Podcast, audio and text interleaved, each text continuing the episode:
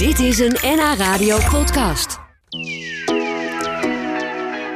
Ja, wij gewone filmfans die kunnen er alleen maar van dromen dat je een keertje koffie gaat drinken met Julia Roberts of een haringje eet met Hugh Grant. Voor filmjournalist René Mioch is dat zo ongeveer de gewoonste zaak van de wereld. Oh god, bloody hell. You think you will make the premiere? No one loves Holland more than I do. That is absolutely disgusting. Absolutely disgusting. Dat was Hugh Grant over de haring die hij kreeg toen met René Mioch eh, op stap was. Dat moet eh, René nog tot de dag van vandaag horen van hem trouwens. Nou, al dit soort belevenissen heeft eh, René Mioch nu een theatervoorstelling gemaakt... waarmee hij langs theaters en bioscopen trekt. Ik sprak hem daarover tijdens de lunch, zonder haring trouwens...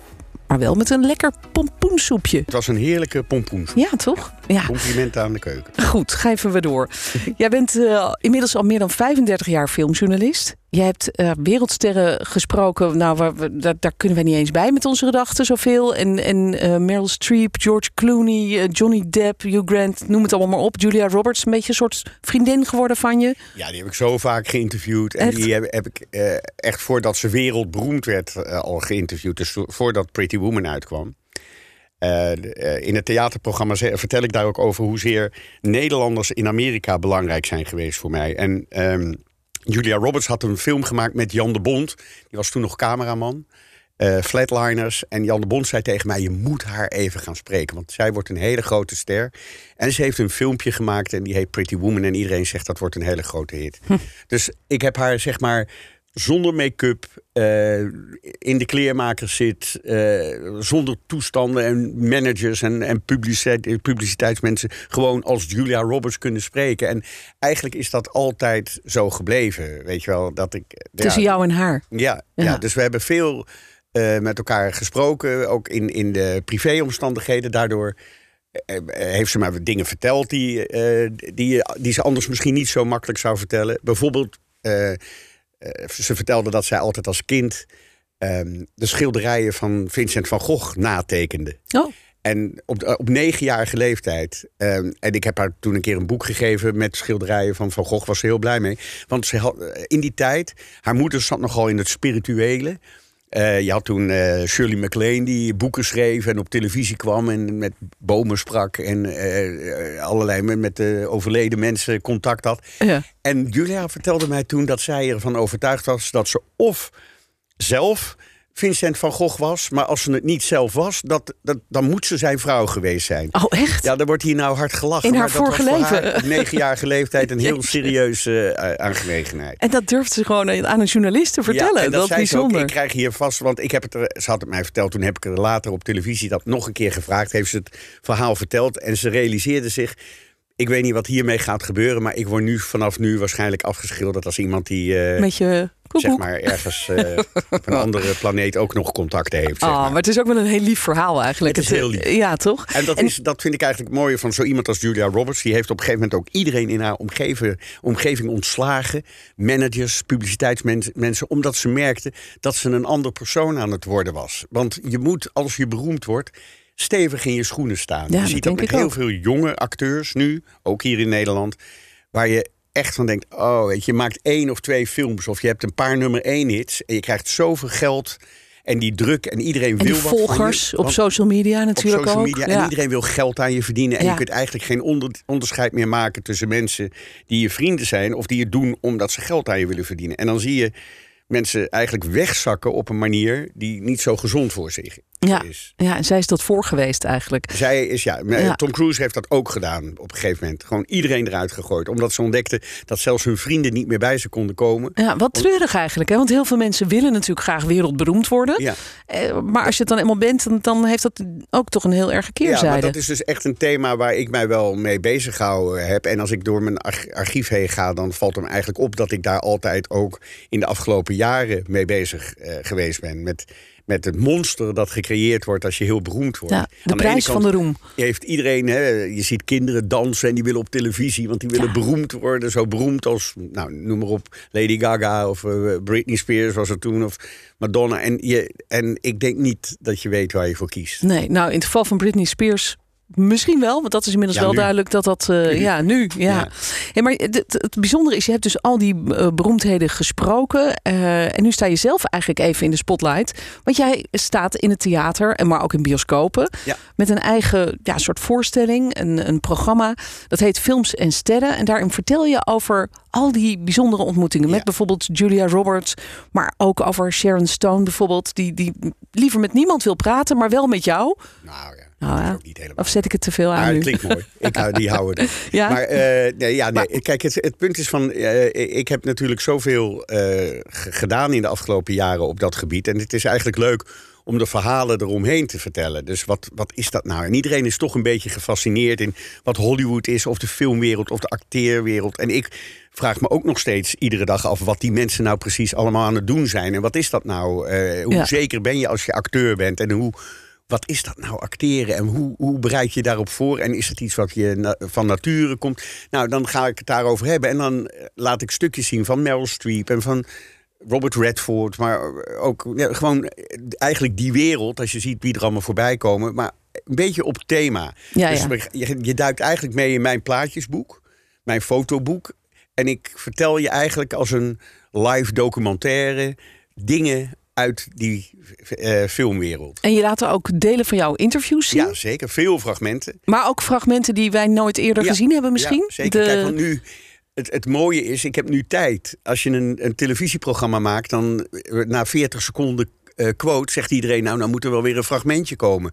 En nu kan ik Meryl Streep gewoon, bij wijze van spreken... vier minuten of vijf minuten laten praten... omdat ze vertelt wat haar onzekerheid is... en hoe ze, hoe ze omgaat met, met van alles in haar leven. Ja. En dat geldt voor Julia Roberts en voor George Clooney. En, ja, ja, en dus ook voor Sharon Stone. En waarom was dat nou? Dat ze zo graag wel met jou wil praten. Misschien is dat juist ook die interesse die jij hebt voor, voor de achterkant van, de van Ja, ik denk wel dat dat anders is. Ik denk dat, eh, dat in principe eh, eh, mijn manier van praten met mensen wel is dat ik, dat ik graag echt wil weten wat ze zeggen. En niet alleen maar het lijstje met vragen Ja. die je hebt opgesteld. Dus het eh, geëikte quoteje wat iedereen eigenlijk haalt. gesprek ook heel anders dan dat ik voorbereid heb. Omdat er net in het moment dat je zit te wachten totdat de camera's klaar zijn op een onderwerp komt. En dat kan zijn dat ze aan de telefoon zitten en dat ze zegt van ja, ik moest even mijn dochter nog eh, een eh, dingetje sturen. Want we dit en dan, kun je, dan heb je het ineens over de moeder en niet over de actrice. En eh, Ja. bij, ik let altijd heel erg op van wat is er, wat gebeurt er eigenlijk. Ja, en je luistert goed naar wat ze vertellen, zodat je daar misschien nog een beetje op door kan vragen. Zeker. En- Ja, ik en- denk, en, en ik verbaas me erover, want ik zie ook heel vaak interviews van anderen terug, hoe weinig mensen eigenlijk luisteren. Eh, dat in trainingen met acteurs zeg ik ook altijd dat ze daar hun voordeel eh, mee moeten doen. Want Je kan gewoon je eigen verhaal Vraag- vertellen. Je eigen verhaal vertellen. En ga ervan uit dat er geen vraag komt die doorgaat. Of die, die, dat iemand zegt. Nou, wat je nou zegt is helemaal niet het antwoord op mijn vraag. Nee. Of wat dit, is- ik, ik heb geen idee waar je het over hebt. Want ik wil daar. Dat doet bijna niemand. Nee, ze zijn meestal gaat alweer door met de volgende vraag. blij dat ze het quoteje binnen hebben Ja. en eh, dat ze dat kunnen gebruiken, Ja. inderdaad. Dus we zien heel veel materiaal van, van jou door de jaren heen, met al die sterren, met de verhalen daarbij. Die je, stel ik me dan zo voor, misschien ook wel eens op verjaardagen hebt verteld. Of ben jij niet zo dat je daar makkelijk over Nee, van, goh, ik heb nog koffie gedronken Zeg met Julia de- Roberts. eh, Het, het programma is geregisseerd door eh, Marieke Prinsen Geerlichs.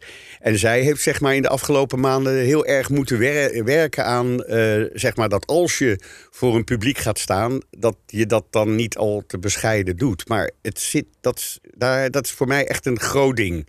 Om daar te gaan staan en te zeggen, nou goed hè, dat ik dit nu zo...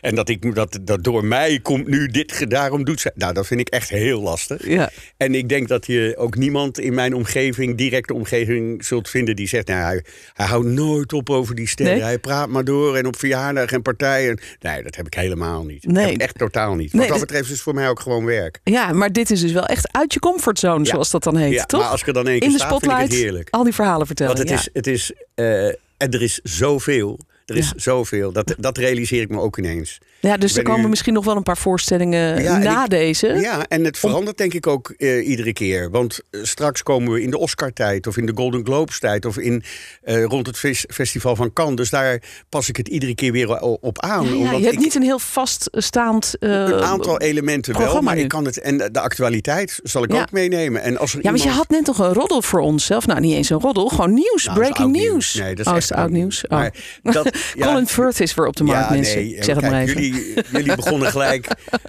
met de, de mensen die dit luisteren, die moeten zich voorstellen. Ik zit hier met twee dames die dan eigenlijk het liefst willen weten hoe Colin Firth dat? in het echt is. Ja. En dit is natuurlijk eh, beetje wat mij altijd overkomt. Dat mensen vragen altijd is hoe is die die, in die het in het echt? hè? En, eh, Ja, want dat wil ik straks ook nog weten van George Clooney ja, natuurlijk. Nou, maar, eh, dus Ja. maar even over Colin Firth. en toen voegde ik daaraan toe dat hij dus nu van zijn vrouw af is. En eh, ik, het is jammer dat ik niet opgenomen heb wat voor reactie dat bij jullie teweegbracht. Maar Ja, dat is, dat weet je wat zo fascinerend is? Dat is dus wat filmsterren doen. ja, het is mannen even... en vrouwen voor mannen en vrouwen. Of voor, ja, dat mag ik nu ook zo niet meer zeggen. Maar, Nee, voor, maar- maar weet je, het, het, het roept iets op. Het is natuurlijk ook iets bijzonders dat, je, dat, dat meisjes en jongens posters aan de muur hebben hangen van iemand waarvan je geen idee hebt wie het is. Nee, of die En überhaupt aardig is. Of die überhaupt aardig Nee. is. Eh, ik bedoel, ik heb wel eens een heel leuk interview gemaakt met eh, Patrick Swayze. Is ook helaas er niet meer. Maar, en eh, ik, ik kom thuis en toen hoor ik dat hij dat hij daarvoor had hij zijn hele hotelkamer verbouwd. Dus Oh. eh, met een agressie van heb ik jou daar. En dat zat niet ik in het dat interview. Totaal dacht, wat een aardige... Nou, nou ben je misschien nog steeds aardig als je Ja, af en kan. toe een hotel eh, verbouwt. is misschien beter dan dat hij op straat iemand aanvalt. Maar ik vond dat toen wel opmerkelijk. Dat je hebt eigenlijk gewoon geen idee. Je hebt Nee. geen idee.